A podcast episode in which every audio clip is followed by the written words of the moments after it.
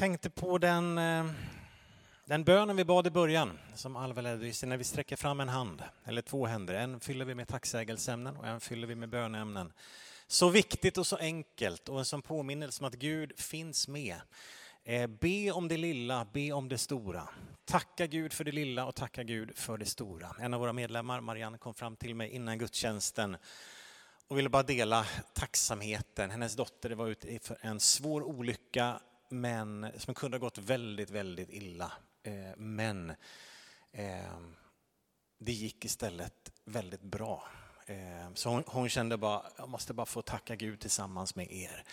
Var med och be för det som finns i våra liv. Tacka Gud för det som sker. Han finns där och han lyssnar. Jag vill redan nu säga att i slutet på, på gudstjänsten när vi landar predikan så ger vi alltid tillfälle för att någon kan be tillsammans med dig eller tacka Gud tillsammans med dig. Några människor kommer stå här framme, våra förebedjare, och ta den möjligheten. Förra söndagen var det en som kom upp till mig och sa, jag vill bara tacka Gud för det han har gjort. Eh, och så tackade vi Gud. Vi bad inte för någonting, vi tackade Gud tillsammans. Få dela sin tacksamhet eh, med någon eller dela sina bördor med någon. Så ta vara på den möjligheten som ges senare här i gudstjänsten. Eh, det kommer bli Eh, alltså ibland som predikant då kan man ju fastna i favoritbibelord. Därför ska man ha jättemånga favoritbibelord.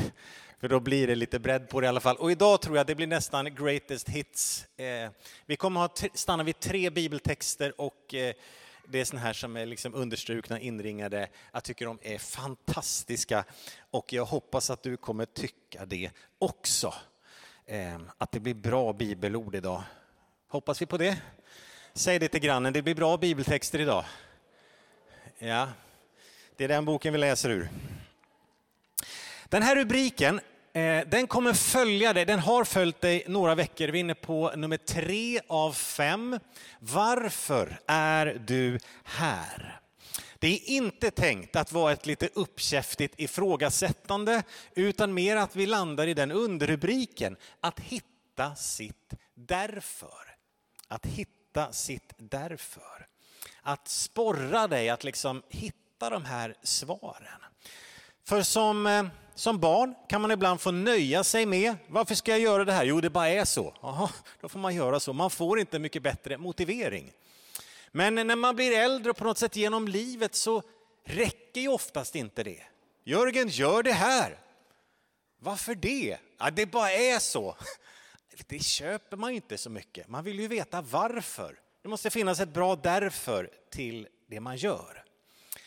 Och när det gäller tron på Gud, din relation med Jesus, när det ropas lite varför, när, kanske när tron prövas, eh, när saker händer, ställer tron lite grann liksom på, på ända.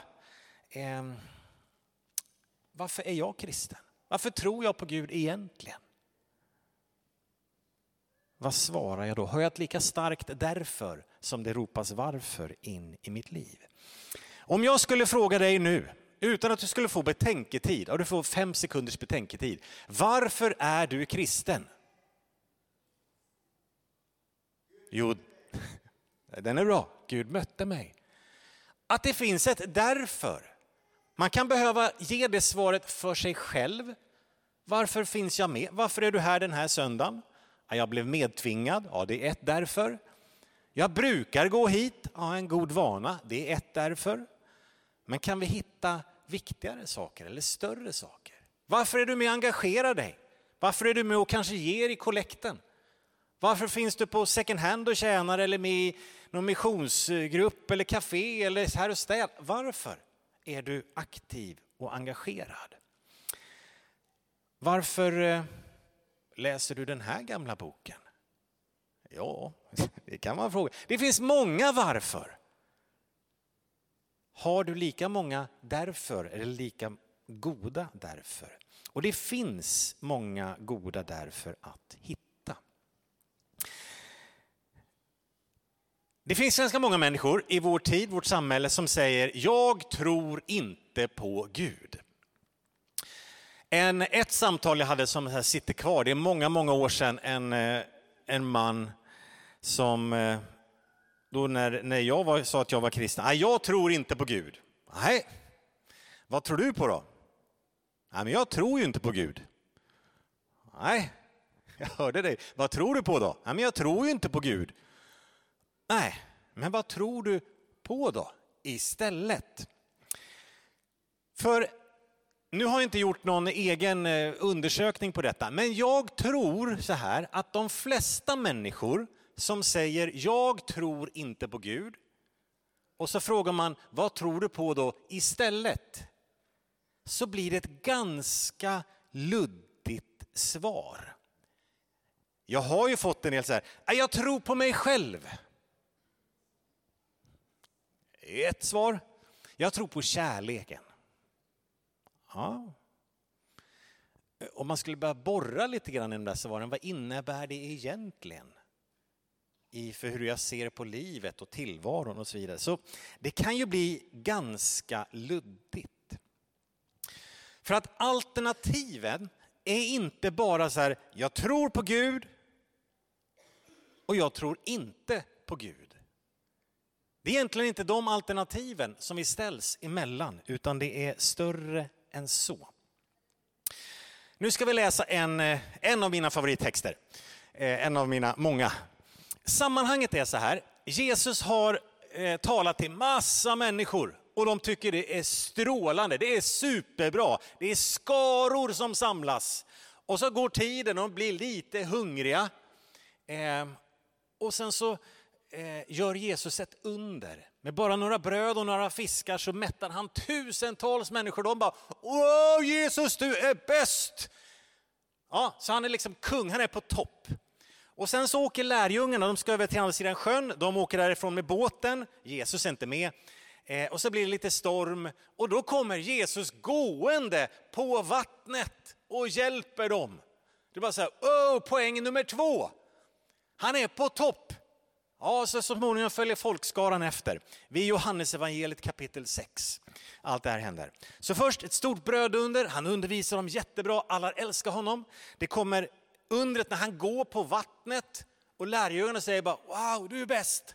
Över till andra sidan och så fortsätter han, eller börjar om att undervisa när folkskarorna samlas. Och sen när han samlar gängen, eller folkskarorna där och börjar undervisa, då är han jättesvår i sin undervisning. Och de lyssnar och de försöker förstå och till slut bara, nej, det här är för mycket. Han säger så här, jag säger er sanningen. Om ni inte äter människosonens kött, nej, du kan ta bort det där, tillbaka. Där ja, nej, får inte tjuvstarta. Om ni inte äter människosonens kött och dricker hans blod har ni inte liv i er. Vad sa han? Och så fortsätter han. Den som äter mitt kött och dricker mitt blod har evigt liv och jag ska låta honom uppstå på den yttersta dagen. Ah! Och gång på gång så talar de om att ni måste äta mitt kött och dricka mitt blod. Och de bara, eh, ew! Det är ju lite småäckligt, vad menar karn?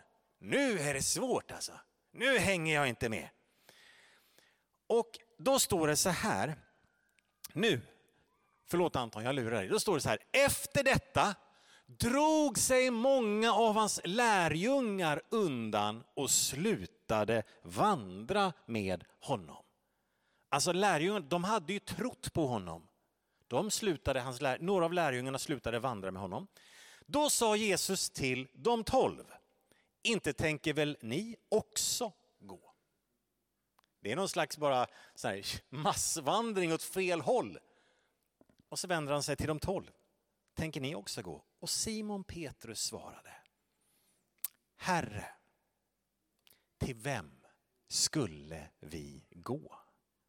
Du har det eviga livets ord och vi tror och förstår att du är Guds helige. Oj, så bra!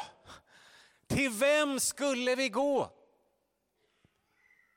Du har det eviga livets ord och vi tror och förstår att du är Guds helige.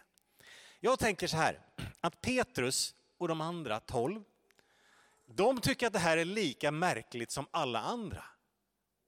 Men deras EU är lite tystare för liksom, de sitter ju närmast Jesus och de ska ju vara de som förstår och kan. De är ju liksom i den innersta cirkeln.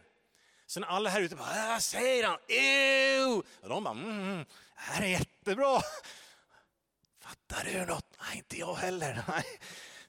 Det är ju jättekonstigt. Men så kommer frågan, Petrus, ska du också gå? Och säger han, till vem? Det, det, finns ett ord med här i min bibelöversättning, det finns inte någon annan. Det så här, till vem annars skulle vi gå? Om, om, vi, om vi väljer bort dig Jesus, vem väljer vi istället?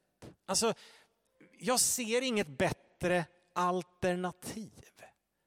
Det är ingenting annat som har berört mitt liv på samma sätt. Han säger, jag både tror och förstår. Det är någonting som har hänt i hjärtat, i hur du har mött mig. I det som har hänt i mitt inre. Orden du talar. När jag ser de sjuka bli helare. Jag ser hur du möter de svaga, de utsatta. Jag ser hur du står upp mot korruption, mot förtryck. Det du har gjort. Jag tror och förstår att du är Guds helige. Det är både hjärta och det är sinne. Till vem annars Jesus? Ja, det här var märkligt. Det här fattar jag inte. Kan du inte förklara för oss? Du har gjort det ibland tidigare. Du, du talar till alla och sen när ingen begriper någonting så samlar du oss och så förklarar du. Kan du inte göra det igen? För det här fattar inte jag. Det här var svårt. Men till vem annars skulle jag gå? För grejen är ju så här att om du inte säger ja till Jesus, om du är här som inte kallar dig kristen, helt okej. Okay. Du säger, ah, nej, jag, ah, jag vet Jesus, nej. Eller du som är här som tänker så här att, jag, jag är nog typ på väg att lämna min tro. Ah, jag köper inte det här längre. Helt okej. Okay. Det, är, det är fritt val. Grejen är att det man säger det är att det här är inte sant längre. Jag tror inte att det är sant att det finns en Gud som blev människa i Jesus Kristus, gav sitt liv på ett kors, återvände på sätt, hela det som är grunden i bibelordet, Nya Testamentet. Det är inte längre sant. Nej, okej. Okay. Så kan man tänka. Men alternativen, kan ta nästa Anton. Det där, min vän, det är inte alternativen du har att välja på. Jag tror på Gud eller jag tror inte på Gud. Utan jag menar ju så här att alternativen är det här. Jag tror på Gud eller jag tror på... Ja, vad då? Vad är det då du tror på istället? Alltså, vad är det liksom annat som är sant om tillvaron? För att kristen tro, det är ju inte bara en liten känsla att ah, men jag tror att det finns något, kanske jag har känt något någon gång. Nej, utan kristen tro, det är ju en hel världsuppfattning, en världsbild. Att det finns en Gud som på något sätt skapade, som blev en del av vår skapelse, levde på jorden i Jesus Kristus, gjorde under, gav sitt liv, uppstod från, ja, ni vet hela storyn liksom. Det är, ju en, en världsbild som betyder någonting som är sann alla dagar i veckan. Och för att det finns en Gud som kom, gav sitt liv, älskar mig och så vidare, så leder det till att det påverkar mitt liv idag. Det är ju en världsbild som, som jag lever efter. Det är det som jag filtrerar tillvaron igenom. Och om den inte är sann, nej, jag tror inte på den här världsbilden, den här uppfattningen om tillvaron. Okej, okay. om inte det är sant, vad är det då annat som är sant? Alltså vem annars skulle vi gå till? Och då blir de här svaren, jag tror på mig själv. Det blir en ganska liten verklighetsuppfattning. Det, det hjälper mig inte så mycket. Vad är rätt och vad är fel i tillvaron? Jag. Vart kommer vi ifrån? Vad är meningen med livet? Jag? Det blir ganska tunt till slut om man börjar gräva i det. Ehm, alltså, att, vem annars skulle vi gå till? Jag tror inte på Jesus. Nej, okej. Vad tror du på då istället? Vad är alternativet? Vad har du då för världsbild, för världsuppfattning? Vad är meningen med tillvaron? Vad är syftet med dig? Så du behöver ha en bild, alltså, och vi har en bild, men hos många kanske den är lite diffus, av hur allting sitter ihop. Ja, jag tror på Big Bang. Den är bra. Och vet du, hade det varit för hundra år sedan och du hade sagt jag tror på Big Bang. Jaha, är du en sån här som tror på Gud alltså? Hade man sagt då. För att när Big Bang, hela den teorin liksom introduceras eller liksom blir lite tillgänglig, populariseras, så då är det en belgisk astronom och präst, Lemaitre. 1927 lägger han fram den här tanken. Det är ju flera som har forskat och man har tittat ut i rymden. Och så märker man det här att det verkar som att universum expanderar. Och sån här eh, rödljusförskjutning och allt möjligt. Jag kan inte allt det där. Men det händer ju massa saker. Man tänker så här, ah, det verkar som det har börjat någonstans. Ja, det är hela grejen med Big Bang. Men när, när man lanserar det här det, så mottas det här inte så väl. För att det som är rådande i forskarvärlden är någonting som kallas för steady state-teorin. Alltså att allting har varit på samma sätt hela tiden, alltid och kommer att vara. Och så kommer den här Lemaitre och några till och säger nej, det verkar faktiskt som det finns en början. Och då måste det liksom, vad orsakade början? Vart kom allt ifrån och vad fanns innan? Och då dök på något sätt, då blev det ett utrymme för Gud. Du bara, nej, så kan det inte vara. Så att idag, jag har ju fått höra det många gånger, nej, vet jag, nej, jag, jag tror inte på Gud, jag tror på Big Bang.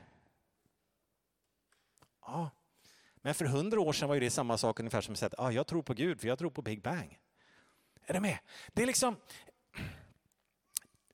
det säger ju ingenting. Okej okay, om det var en stor smäll. Vart kom den ifrån? Vem skapade den? Vad fanns innan? Och hjälper den smällen mig att förstå syftet med mitt liv? Hur sitter det ihop? Vad är meningen med livet? Vad är meningen med ditt liv min vän? Det som Linnea talade om förra söndagen, som var väldigt mycket liksom din plats, din roll i tillvaron. Vad har du för, för tanke om det?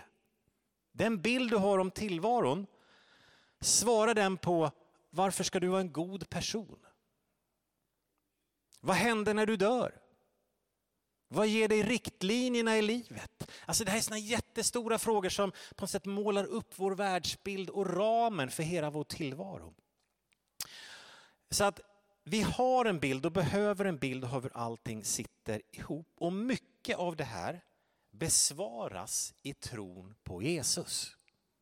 Om jag då säger, nej jag tror inte på det där, det där är inte sant. Nej, okej, okay. vad är då sant istället? Och ge, den, ge det här de svaren som du behöver, eller inte. Till vem annars skulle vi gå? Om jag inte följer Jesus, vem följer? Om jag inte följer hans ord, vem följer, jag? vems ord följer jag då? Men hur kan du följa den där boken Jörgen? Den är ju 2000 år gammal. Hur kan du liksom? Hur kan du låta den ha någon slags auktoritet i ditt liv? Och säga att men jag, jag tror på och följer det här. Men skärp dig! Va? Ja, men då ställer jag en fråga tillbaka. Ibland, du som tror på Jesus, var lite... Jag tror vi behöver mopsa upp oss lite grann ibland. För vi hamnar väldigt lätt bara på defensiven. Varför tror du på det där? Varför gör ni så? Varför, varför, varför? Och sen ska vi komma med alla svaren. Och ibland kan man ställa frågan tillbaka. Har du tänkt på det någon gång? Om det är någon som är på dig någon gång ibland, på din tro, ställ lite frågor tillbaka. Hur kan du låta den här boken ha auktoritet över ditt liv? Okej, okay, men vem har auktoritet in i ditt liv? Vadå? Det är ingen som har auktoritet över mig. Jag bestämmer själv. Ja, vem har format dig, dina kunskaper, dina värderingar som du äger idag? Det är dina föräldrar, det är kompisar, det är samhälle, det är kultur, det är media och det formas konstant hela tiden. Och där är ju frågan, vem låter du få tala in i ditt liv? Vem lyssnar du mest på? Vems ord värdesätter du högst? Det är ju auktoriteten in i ditt liv. Så frågan är ju inte om man har en auktoritet på något sätt som, som får tala in, utan vem eller vad? Och är jag medveten om det? Petrus svar.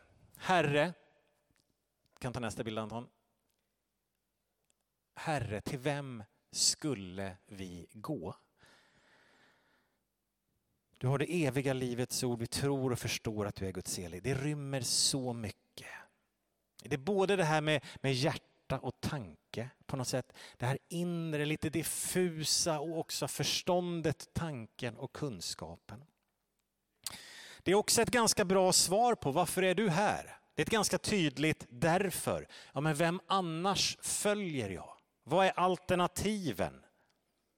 Vad finns det för alternativa beskrivningar av tillvaron som sitter ihop? Som verkar stämma med det jag ser och upplever i vår värld. Jag ser inget bättre alternativ. Men så hade de ju mycket frågor. Det var ju svårt det här. De fattar ju inte allt. Är det någon här inne som fattar allt vad Jesus säger? Handuppräckning på den. Kom och berätta för mig i så fall. Det är ju svårt ibland. Och nu kommer nästa favoritbibelord. Andra av tre. Femte Mosebok 29, 29. Det fördolda det hör Herren vår Gud till. Men det uppenbarade gäller för oss och våra barn till evig tid för att vi ska följa alla ord i denna lag. Det kommer ju alltid finnas saker i livet, i tron, vandringen med Jesus, i bibelordet som du och jag inte begriper. Alltid. Jag vet inte vem som har varit frälst längst här inne. Eh, jag ska inte peka ut någon, men en del av er har vandrat jättelänge med Jesus och det är fantastiskt. Men jag tror inte ni begriper allt i alla fall. Det fördolda hör Herren vår Gud till. Det kommer alltid finnas saker som ligger i det fördolda. Och, vet du vad min vän, det kanske är så att du ska inte begripa eller behöver inte begripa. Det är inte upp till dig att förstå det här. När det gäller livet, när det gäller Gud, vad han gör och inte. På något sätt mysterier kring Gud. Han är ju större än din och min hjärna kan förstå. Det är fördolt för oss. Men det finns också ganska mycket som är uppenbarat. Och det gäller för oss och våra barn till evig tid. Det uppenbarade gäller för oss att tro och följa. Och då kan man säga, ja men vad är då uppenbarat? Ja, nu kommer tredje och sista favoriten av alla mina favoriter. Johannes 20 och 30. Där skriver Johannes här i slutet på sitt evangelium. Många andra tecken som är nedskrivna i denna bok gjorde Jesus inför sina lärjungar. Men dessa har blivit nedskrivna för att ni ska tro att Jesus är Messias, Guds son och för att ni genom tron ska ha liv i hans. Det Johannes säger är att Jesus sa och gjorde massa mer grejer. En del av det ser vi kompletterat i de andra evangelierna. Men det är säkert massa mer som Jesus sa och gjorde under sina år på jorden. Men Johannes säger att det som är nedskrivet, det räcker. Det är ju det som är uppenbarat för oss idag och han säger att det räcker. Räcker för vad då? För att vi ska förstå vem Gud är. Det räcker för att vi ska förstå hur vi kommer in i gemenskap med honom. Det räcker för att förstå hur vi ska leva våra liv tillsammans med honom och med varandra. Det räcker för att förstå vad hans vilja är för mitt liv. Och det räcker för att förstå och se hur evigheten blir min en dag då mitt liv är slut här. Det uppenbara det gäller för oss och våra barn. Vi kan fastna i alla våra frågor. Vi fastnar i bibeltexter som bara, ah, varför står det så här? Vad betyder det? Och, och det kan vara jättespännande att grotta i och gräva i. Och sen så kan man lämna dem en tag och sen så tar man det som man faktiskt förstår. Och det kan vara nog så svårt. Älska din nästa som dig själv. Be för dem som förföljer dig. Aj då, den var svår. Ja, den är inte svår att förstå, men den är svår att leva ut. Sätt andra högre än er själva. Ja, den är också inte så svår att förstå, men den är svår att leva ut. Så det kanske inte är det här som vi inte begriper som vi har svårast med, utan det är faktiskt det vi begriper som vi har svårast att leva i i våra liv. Det som står, det räcker. Det här är nedskrivet för att ni ska tro på honom och ha liv i hans namn. Johannes skriver inte att det här står för att ni ska begripa alla världens mysterier, alla djupheter hos Gud och alla smarta frågor från kloka människor. Nej, det som står, det räcker för att ni ska tro och ha liv i hans namn. Petrus och de andra de tyckte att det Jesus sa var konstigt. De förstod inte. Nej, men vet du, vi behöver inte kunna förstå allt. De fortsatte fortsatte att följa honom ändå. De fortsatte att vandra med honom ändå. Om Jesus inte är sanningen, vad är då sant istället, min vän? Till vem annars vänder du dig? När du ber din bön på kvällen, hjälp mig vem vänder du dig till då om du inte vänder dig till Jesus Kristus? Om Jesus inte är värd att följas, vem följer jag då istället? Eh, Ingvor ville komma och sätta dig vid pianot. Nu ska vi gå in för landning här lite grann.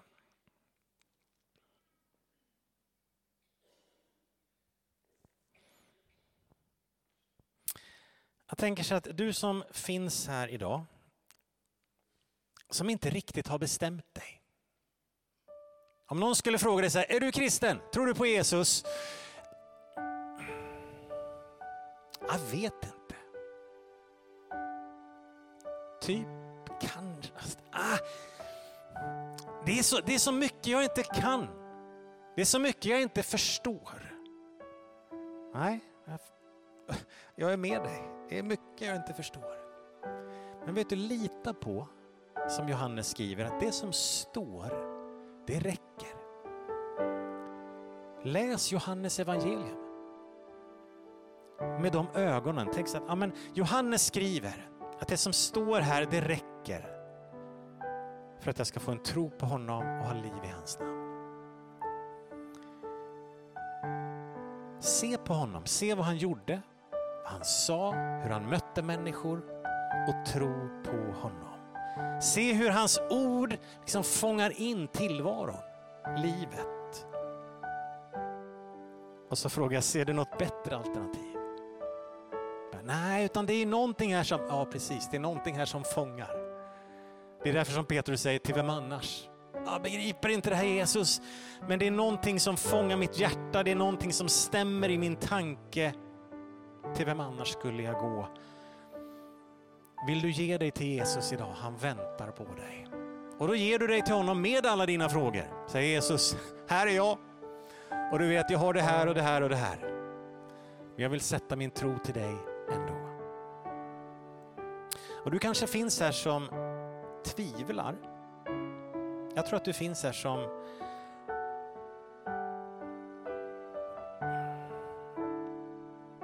Ja, men där tron på något sätt, det, det har bara gått i stå det, och du har inte upplevt någonting och kyrka blir bara mekaniskt. Du känner att ah, jag, jag släpper det här, jag skiter i det här. Och då finns en fråga till dig idag min vän. Om inte Jesus, vem annars? Vem vänder du till istället? För att vi, vi lever inte bara i ett tomrum, ett vakuum, utan någonting är ju sant om tillvaron. Jag vill säga till dig att dina tvivel, dina frågor, de ryms hos Jesus. Dina frågor och dina tvivel ryms hos Jesus. Bibeln är full av människor som gjorde bort sig, som inte fattade, som gick fel, som inte ville, som inte orkade. Och Gud behåller dem i sin hand. Dina tvivel, dina frågor ryms hos honom. Och till dig som bekänner dig till Jesus får jag bara uppmuntra att hålla fast i din tro på honom. Och även om situationen ibland blir svår. Vi lever i ett land där det inte är så lätt att bekänna Jesus så högt kanske. Och en del av er, när du lät döpa dig så sjöng församlingen om andra tvekar. Vill jag dock följa. Det är den situationen Petrus och de tolv står i. Vill ni också gå? De här, de tvekar, de lämnar. Om andra tvekar vill jag dock följa. Varför är jag här idag? Jo, för att jag tror och förstår att han är Guds helige. Därför är jag här och jag vill följa honom. Jag hoppas att du vill det också.